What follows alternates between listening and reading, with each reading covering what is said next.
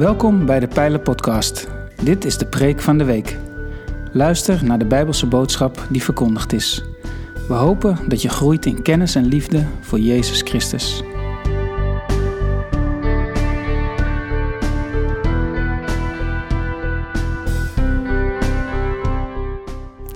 In de maand mei en juni hebben we in de Pijler een preekserie gehad met als titel Songs of Life.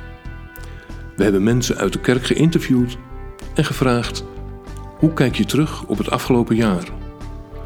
Mooie, ontroerende en eerlijke verhalen uit een onstuimig jaar. Je kunt naar ons YouTube-kanaal om deze interviews terug te zien. Vanuit de psalmen hebben we gepreekt over de thema's die voorbij kwamen in de verhalen van deze mensen. Deze gedichten resoneren niet alleen met het leven van de kerk, ze leren ons ook wie God is. Er was een man in een land ver van hier, lang geleden. Hij had bakken met geld, werd door vrouwen aanbeden. Hij was mooi, knap en slim, had verschrikkelijk veel macht. Wat hij wou werd gedaan, al bijna voor hij het dacht. Door zijn geld en zijn invloed had hij honderden vrienden, lakeien en butlers en wel duizend bedienden. Paleizen en auto's, vliegtuigen en boten.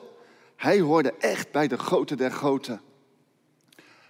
Hij verdeelde zijn tijd heel gebalanceerd tussen zijn gezin en zijn zaak. Hij was topfit in vorm, at gezond, sportte vaak. Hij leefde bewust, nam geen, drank, nam geen drugs en geen drank. Hij was niet te zwaar, maar zeker ook niet te slank. Hij kwam niks tekort. Elke dag was een feest. Hij genoot van zijn leven en van zijn vrijheid het meest. Wie doet mij wat? Wat kan mij nou gebeuren?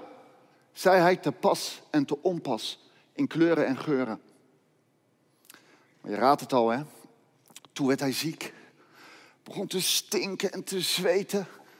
En niemand die wilde nog wat van hem weten. Zijn familie, zijn vrienden.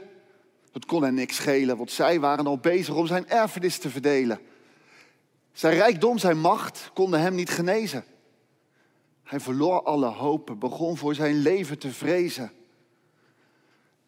Daar lag hij alleen, alleen in zijn nood. Hij had alles in zijn leven. En toen ging hij dood.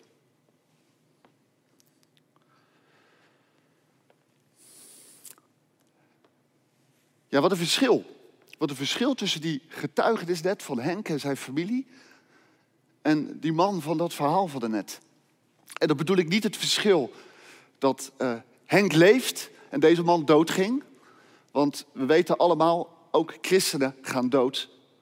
Um, en het is niet zo dat mensen die zonder God leven, uh, dat die blijven leven. Christenen, niet-christenen, gelovigen, niet-gelovigen. Um, we worden allemaal ziek. We komen allemaal in nood. We hebben allemaal kans op een depressie. Nee, het verschil wat ik vind, wat ik zag in dat filmpje net en uh, in dat verhaal, is dat de ene op zichzelf vertrouwt en denkt, wat kan mij overkomen? En de ander vertrouwt op God. Dat is het grote verschil. Vandaag um, wil ik met u lezen op Psalm 30, een psalm van David. En uh, David is eigenlijk iemand die bij allebei wel een beetje hoort. Hij uh, vertrouwt op God, maar soms in zijn leven vertrouwt hij ook vooral op zichzelf. Um, en helemaal aan het eind uh, van, uh, van deze preek komt er nog een vierde persoon, eindelijk een vrouw. Dus dan gelukkig toch ook nog een vrouw, maar eerst nog uh, over David. En daarom wil ik met u lezen Psalm 30. Oh, ik moet u wel waarschuwen. Het begint namelijk met een spoiler. Eigenlijk is het een heel spannend verhaal wat David over zichzelf vertelt in die psalm. Maar hij verklapt al in het begin hoe het afloopt. Dus dat is wel een beetje een uh, probleem. Maar dat doet hij niet voor niks. Hij vertelt al direct, het komt goed. God redt, God geneest. God trekt mij op uit de diepte. En uh, dat komt omdat David niet die psalm heeft geschreven om ons te vermaken met een spannend verhaal. Dat je op het puntje van je stoel zit en dat je denkt, hoe zal dit aflopen? Nee, David heeft deze psalm geschreven om God groot te maken. Maar ook om te laten zien dat door de diepte heen, dat je al van tevoren mag weten dat God uitkomst geeft. In deze psalm geeft hij de uitkomst al in dit leven. Maar het kan ook gebeuren dat de uitkomst pas na dit leven komt. Maar hij geeft uitkomst. En dat mogen wij ook weten in ons leven op het moment dat wij in die put zitten. Dat wij in die diepte zitten, ziek zijn. We lezen een psalm, een lied bij de inwijding van de tempel van David. Eigenlijk staat er bij de inwijding van het huis van David. En heel veel andere vertalingen, dat wordt straks belangrijk, um, schrijven eigenlijk dan niet dat uh, de tempel wordt ingewijd en David de psalm schrijft, maar dat het huis van David wordt ingewijd. Daar kom ik straks nog op terug. Hoog wil ik u prijzen, Heer, want u hebt mij gered en mijn vijanden geen reden gegeven tot vreugde. Heer mijn God, ik riep tot u om hulp en u hebt mij genezen. Heer, u trok mij omhoog uit het dodenrijk. Ik daalde af in het graf, maar u hield mij in leven. Zing voor de Heer, allen die hem trouw zijn. Loof zijn heilige naam. Zijn woede duurt een oogwenk. Zijn liefde duurt een leven lang. Met tranen slapen we s'avonds in. S'morgens staan we juichend op. Nou, nu begint dus het verhaal. Dat was de spoiler. En nu komt het verhaal. In mijn overmoed dacht ik, nooit, nooit zal ik wankelen. Heer, u had mij lief en ik stond als een machtige berg. Maar u verborg uw gelaat. En ik bezweek van angst. U, Heer, roep ik aan. U, Heer, smeek ik om genade. Wat baat het u als ik sterf, als ik afdaal in het graf?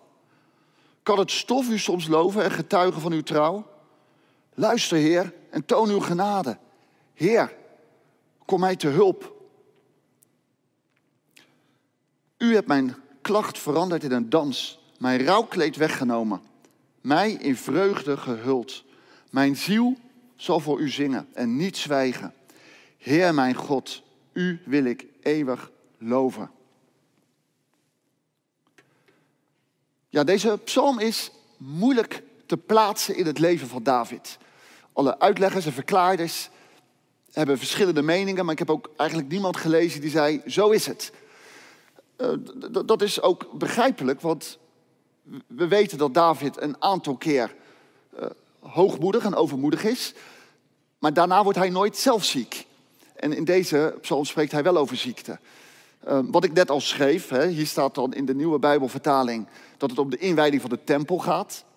Maar uh, David heeft de tempel nooit gebouwd. Dat heeft zijn zoon Salomo gedaan. En dan zou het natuurlijk zo kunnen zijn dat David alvast die psalm heeft gemaakt voor straks als die tempel ingewijd wordt. Maar die psalm gaat eigenlijk vooral over David persoonlijk. Het gaat helemaal niet over de tempel of de inwijding daarvan. Dus ja, daar heb ik een beetje uh, mee zitten, uh, zitten spelen. Ik, ik geef u een gebeurtenis uit het leven van David die hier wel eens mee te maken zou kunnen hebben. En dat illustreert dan gewoon de psalm. Dan kunt u die gebruiken als u zegt, nou, ik denk dat het een ander moment is. Is ook prima, daar gaat het niet om. Maar u kent dat, eh, die gebeurtenis wel, dat David koning is geworden in Israël. En de ark die is nog niet in Jeruzalem. En dan wil David die ark naar Jeruzalem laten brengen. En hij is enthousiast. Hij denkt, ik ben de koning die God heeft aangesteld ik ga die ark naar Jeruzalem brengen. En hij laat die ark op een ossenwagen, met een hele grote stoet ervoor, een heel feest wordt het. En zo wordt die wagen naar Jeruzalem gebracht, die ark. Maar onderweg struikelt een van die ossen en die wagel die wiebelt een beetje. En die ark die lijkt van die wagen af te vallen. En een jonge man, die heet Uza, die houdt die ark tegen. En op het moment dat hij die heilige ark van God raakt, valt hij dood op de grond. En het hele feest is voorbij. En David die trekt zich dat heel persoonlijk aan. Hij is daar de verantwoordelijke voor. Dan wordt die ark wordt daar ergens in een huis neergezet. En ieder gaat weer terug naar Jeruzalem of naar de plek waar hij vandaan kwam. Nou goed, en dan een tijdje later blijkt dat dat huis waar die ark staat, dat die gezegend wordt. En dan wil David toch die ark weer naar Jeruzalem brengen. En dan pas gaat hij kijken hoe dat moet. Dus is het niet meer David die de ark naar Jeruzalem brengt, maar dan gaat hij lezen in de Torah. Hoe moet dat eigenlijk? En dan is het in overleg met God. En dan wordt die ark alsnog naar Jeruzalem gebracht, zoals het hoort, door de priesters die hem dragen. En ehm, David die in zijn ondergoed voor de ark danst. Misschien wel even goed, hè, dat, dat, verschil. Dat heilige van God zit dus niet in dat David de allermooiste kleren aan heeft en heel netjes loopt. Nee, de heiligheid is ook bij God op het moment dat wij in ons ondergoed dansen. Dat doen we nu niet. Maar ehm, dan luistert David naar God. En dan zegt uh, David tegen God, nu woon ik in een mooi paleis en u woont in een tent, in de tabernakel. Ik ga voor u ook een tempel bouwen. En dan zegt God, uh, nee David, dat mag jij niet. Jij hebt te veel oorlog gevoerd. Uh, jouw zoon, die zal voor mij een tempel bouwen. Maar ik ga een huis bouwen voor jou. En dat is geen letterlijk huis. Dan belooft God dat het nageslacht van David voor altijd op de troon zal zitten. Nou, dat komt natuurlijk uit in de vervulling van de Heer Jezus, de Messias, die voor eeuwig zal zitten op de troon van David. Dus ik denk, die psalm zou hier wel eens over kunnen gaan. De inwijding van het huis van David. David was hoogmoedig ehm, en hij dacht in zijn geloof, ik zal er wel voor zorgen, ik ben degene die daarvoor aangesteld is. En dan gaat alles mis. Dat is een bekend gegeven in de Bijbel. Bijvoorbeeld Paulus, Heel gelovig, of Saulus moet ik zeggen, heel gelovig is hij. Hij weet precies wat God wil. En hij gaat naar Damascus. Hij zal die christenen wel eens eventjes doden. Maar God houdt hem tegen. Of Petrus, die zegt tegen Jezus: Al zal iedereen u verlaten, ik zal u nooit verlaten. Al moet ik voor u sterven. En dat waren geen loze woorden, hè? Want in de hof van Gethsemane, als dan dat cohort soldaten eraan komt, dan trekt Petrus zijn zwaard en dan gaat hij erop af. Gelovige overmoed. Hij denkt, dat zal ik wel even voor elkaar krijgen. Maar Jezus zegt, stop. Zoals dat hier dus ook bij David gebeurde. Stop met die ark. Niet je eigen gelovige overmoed. Dat kunnen wij ook wel eens hebben. Gelovige overmoed. Dan denken wij, ik ben een gelovige. Ik weet wat er in de Bijbel staat. Ik weet hoe God het wil. Ik zal de ander wel eventjes vertellen hoe het moet. Nou, we weten allemaal tot hoeveel ellende dat soort gelovige overmoed heeft geleid. Dus um, bescheidenheid, dat uh, is wat David ziet als hij in overleg met God gaat. Maar dat was niet zonder dood. Niet de dood van David zelf, maar de dood van die Uza. Maar zoals wel vaker in Davids leven is een ander gestraft. De eerste, het eerste kind dat hij samen met Bathseba kreeg, of de pest die door het land van Israël ging, omdat hij het hele volk wilde tellen.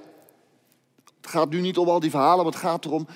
Dood en ziekte zijn een gevolg, misschien niet altijd van je eigen zonde. Ehm, en misschien raakt het ook niet jouzelf.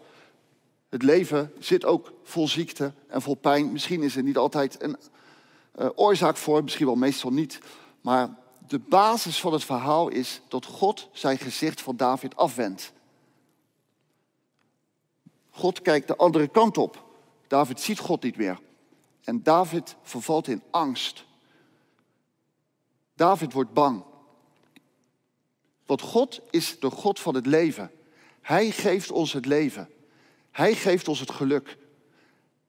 En op het moment dat God niet meer naar ons kijkt, dan gaat het mis. Dat is eigenlijk wel bijzonder. Hè? Ik, ik, ik wil even nog een stapje teruggaan naar Genesis 3. Want ik dacht vroeger altijd dat op het moment dat Adam en Eva, dat wij als mensen in zonde vielen, dat God de dood aan ons gaf. Maar dat is bijzonder, dat is niet waar. Hoe dat helemaal zit, begrijp ik natuurlijk ook niet. Maar in die hof van Eden mochten Adam en Eva van de boom van het leven eten. En die boom van het leven gaf hen het leven. En op het moment dat zij zondigen, dan haalt God hen uit de tuin. En dan zegt God, ik zal ze uit de tuin halen, want anders blijven ze eten van de boom van het leven. En dan blijven ze voor altijd leven. Dus zo zie je dat die boom van het leven, die natuurlijk staat voor Gods genade en Gods goedheid, eh, die daar heel concreet uh, zichtbaar wordt, die geeft het leven. En als God dat weghaalt of ons daarbij vandaan haalt, dan gaat het mis. Als God zijn aangezicht afwendt, dan gaat het mis. Dan volgen ziekte, dood, ellende, depressie, verdriet. God verbergt zich dan. Want God geeft het goede. Deze preek gaat niet over Jezus. Het gaat over een psalm van David in het Oude Testament. En ik wil dan altijd proberen om zo dicht mogelijk eh, bij die psalm te blijven. Maar op dit moment moest ik wel aan Jezus denken. Want als Jezus aan het kruis hangt, voor onze zonde, voor onze schuld, maar ook om onze pijn en ons verdriet te dragen, wat gebeurt er dan?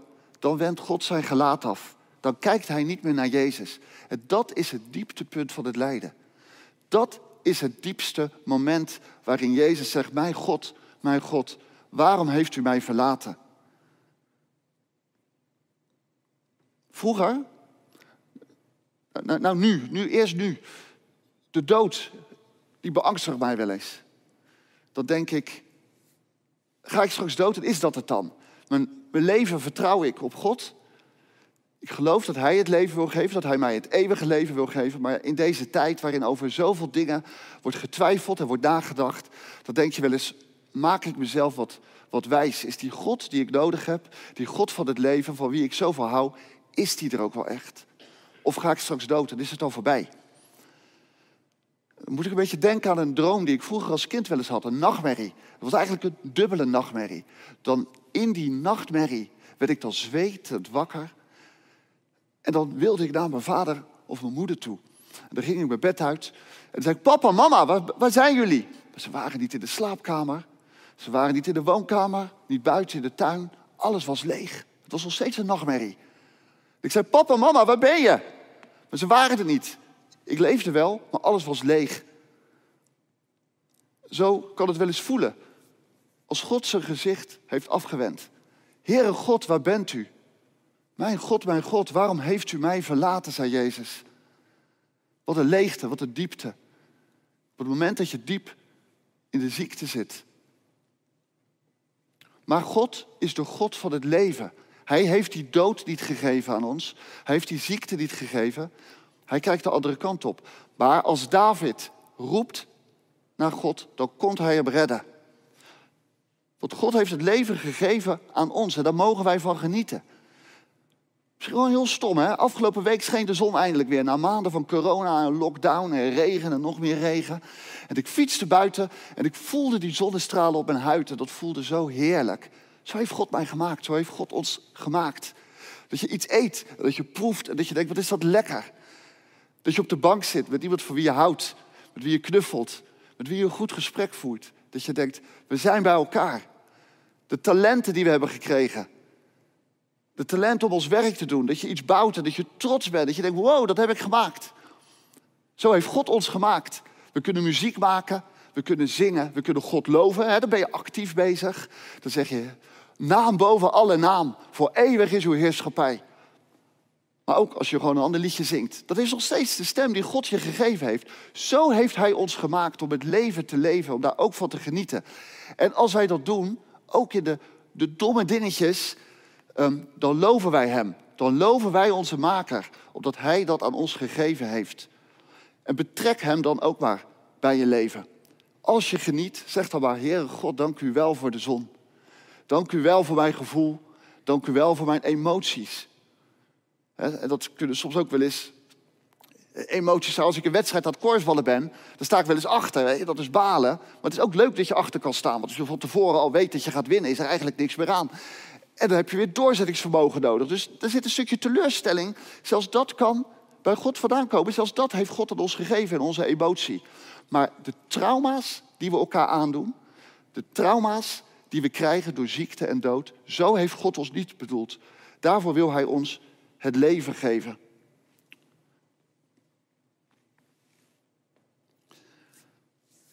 Er is een vrouw, niet ver weg, bij ons in het heden. Ze leeft bij de dag. En geeft aan God haar gebeden.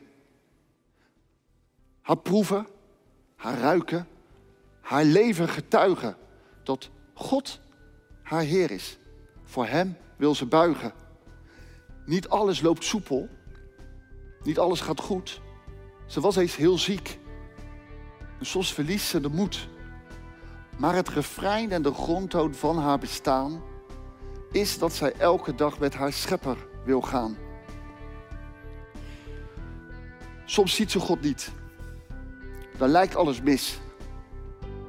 Maar dan blijft ze geloven dat hij wel weet waar zij is. Want hij geeft haar het leven. Hij heeft haar nu al bevrijd. En door dat leven te leven, looft zij hem nu en altijd. Amen.